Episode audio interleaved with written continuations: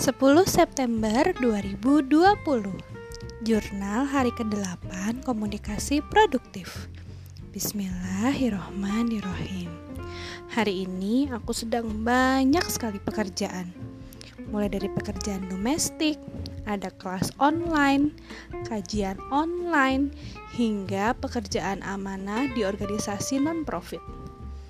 Hal itu membuatku jadi kurang memperhatikan anak-anak sedari pagi.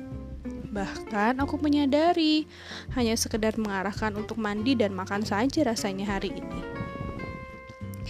Hingga ketika hari sudah agak siang dan aku selesai mengangkat baju dari jemuran, aku rebahan sebentar. Dan kedua anakku mencari perhatianku.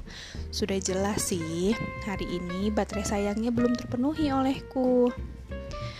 Sungguh sebuah tantangan untuk membuat anak-anak paham bahwa kondisi diriku sekarang sedang butuh istirahat sejenak.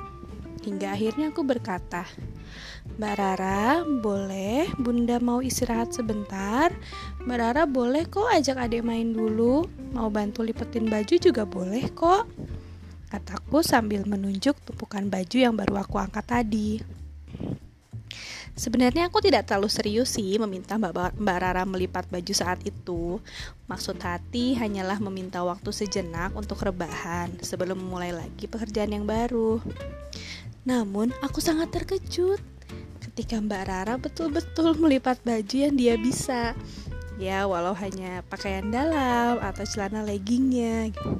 Bahkan Mbak Rara itu mengajak adiknya melipat baju bersama. Hmm, Masya Allah, sungguh terharu sekali hati ini rasanya. Seperti terketuk bahwa memang kalimat sederhana dan intonasi yang tenang lebih menggerakkan hati dibanding omelan dan intonasi yang marah.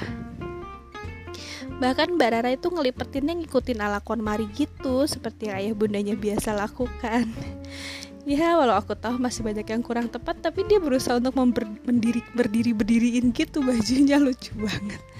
Nah tapi sungguh masya Allah aku sangat menghargai bantuannya. Untuk itu aku memberikan nilai bintang 5 untuk komunikasi produktifku hari ini dengan Mbak Rara. Semoga bisa terus seperti itu. Semangat